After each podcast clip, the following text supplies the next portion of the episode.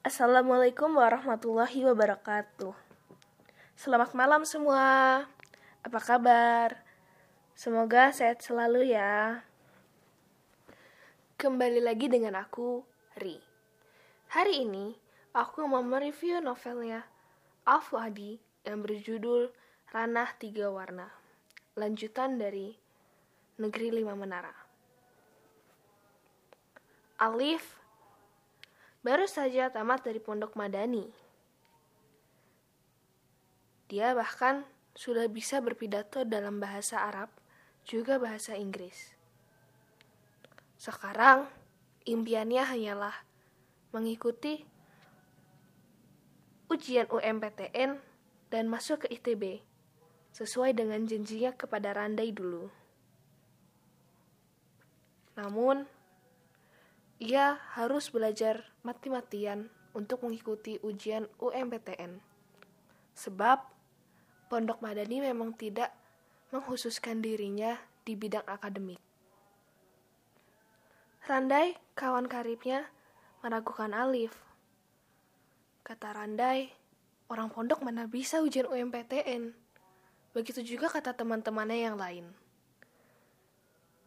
Jadi, menurut teman-temannya, Pondok Madani itu hanyalah untuk belajar agama, namun tidak bisa mengikuti UMPTN. Apa yang Alif lakukan?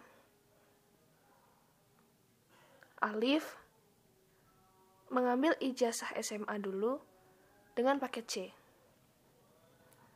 Dan kemudian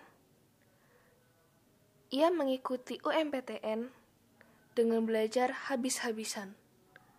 Selama beberapa hari, dia menghabiskan waktunya di kamar terus-menerus untuk melahap semua buku dari kelas 1 SMA hingga 3 SMA dalam kurun waktu yang sebentar. Tak disangka, ternyata Alif lulus UMPTN. Ia pun diterima di Universitas Pajajaran jurusan Hubungan Internasional. Di sana, ia ngekos dengan Randai. Di Unpad, ia belajar menulis dari Bang Togar. Sosok di kampus yang namanya sudah terkenal karena tulisan-tulisannya dimuat di koran. Orang-orang menakuti Alif bahwa Bang Togar itu seram namun, Alif tak putus asa untuk merayu Bang Togar sebagai gurunya. Alif bahkan sampai menggunakan perumpamaan Nabi Musa dan Khidir. Hari demi hari, Alif lalui dengan mengikuti ajaran Bang Togar untuk selalu menulis artikel. Pertama-tama, Alif selalu mendapat coretan pena merah dalam tulisannya. Hingga lama-lama, tulisan Alif tidak ada yang dikoreksi oleh Bang Togar. Tulisannya pun dimasukkan ke salah satu koran. Alif bertahan hidup di Bandung dengan usahanya sendiri, sebab ia tak ingin merepotkan orang tua yang masih menanggung adiknya, dua adiknya. Oleh karena itu, jika uang sudah habis, ia hanya bisa beli setengah porsi bubur dicampur dengan air. Alif melalui hari-hari dengan ceria. Sampai suatu hari, ia dipanggil oleh bapak di Padang. Ternyata bapak sakit. Tak lama kemudian, bapak pun dipanggil oleh sang ilahi. Alif tak ingin berlama-lama berduka. Oleh karena itu, ia segera kembali ke Bandung dan memutuskan untuk bekerja untuk membantu ibunya juga kedua adiknya. Ia belajar, ia jualan parfum, kain, bahkan menjadi guru. Hingga tiba-tiba ia bertemu dengan Mbak Astri ketika di bus. Dan Mbak Astri menyampaikan ke Alif bahwa jika ia ingin pergi ke luar negeri, ia bisa mengikuti internship.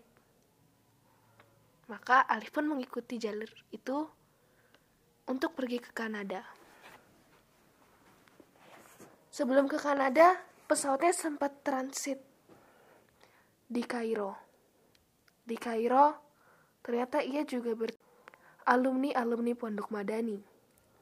Ia adalah Rajab Sujai atau yang biasa dipanggil Mike Tyson dan juga Kurdi. Mereka akhirnya bersua di Kairo. Kata Kurdi, atau juga melanjutkan studinya di kampus Al-Azhar, Kairo. Selama transit, Rajab Sujai atau Mike Tyson memandu para rombongan dari Indonesia untuk kelilingi untuk mengelilingi Yordania. Hari-hari pun berlalu dan hari-hari Alif diwarnai dengan pengalamannya selama di Kanada. Apa saja yang terjadi di Kanada? Apa yang terjadi setelah Alif pulang dari Kanada?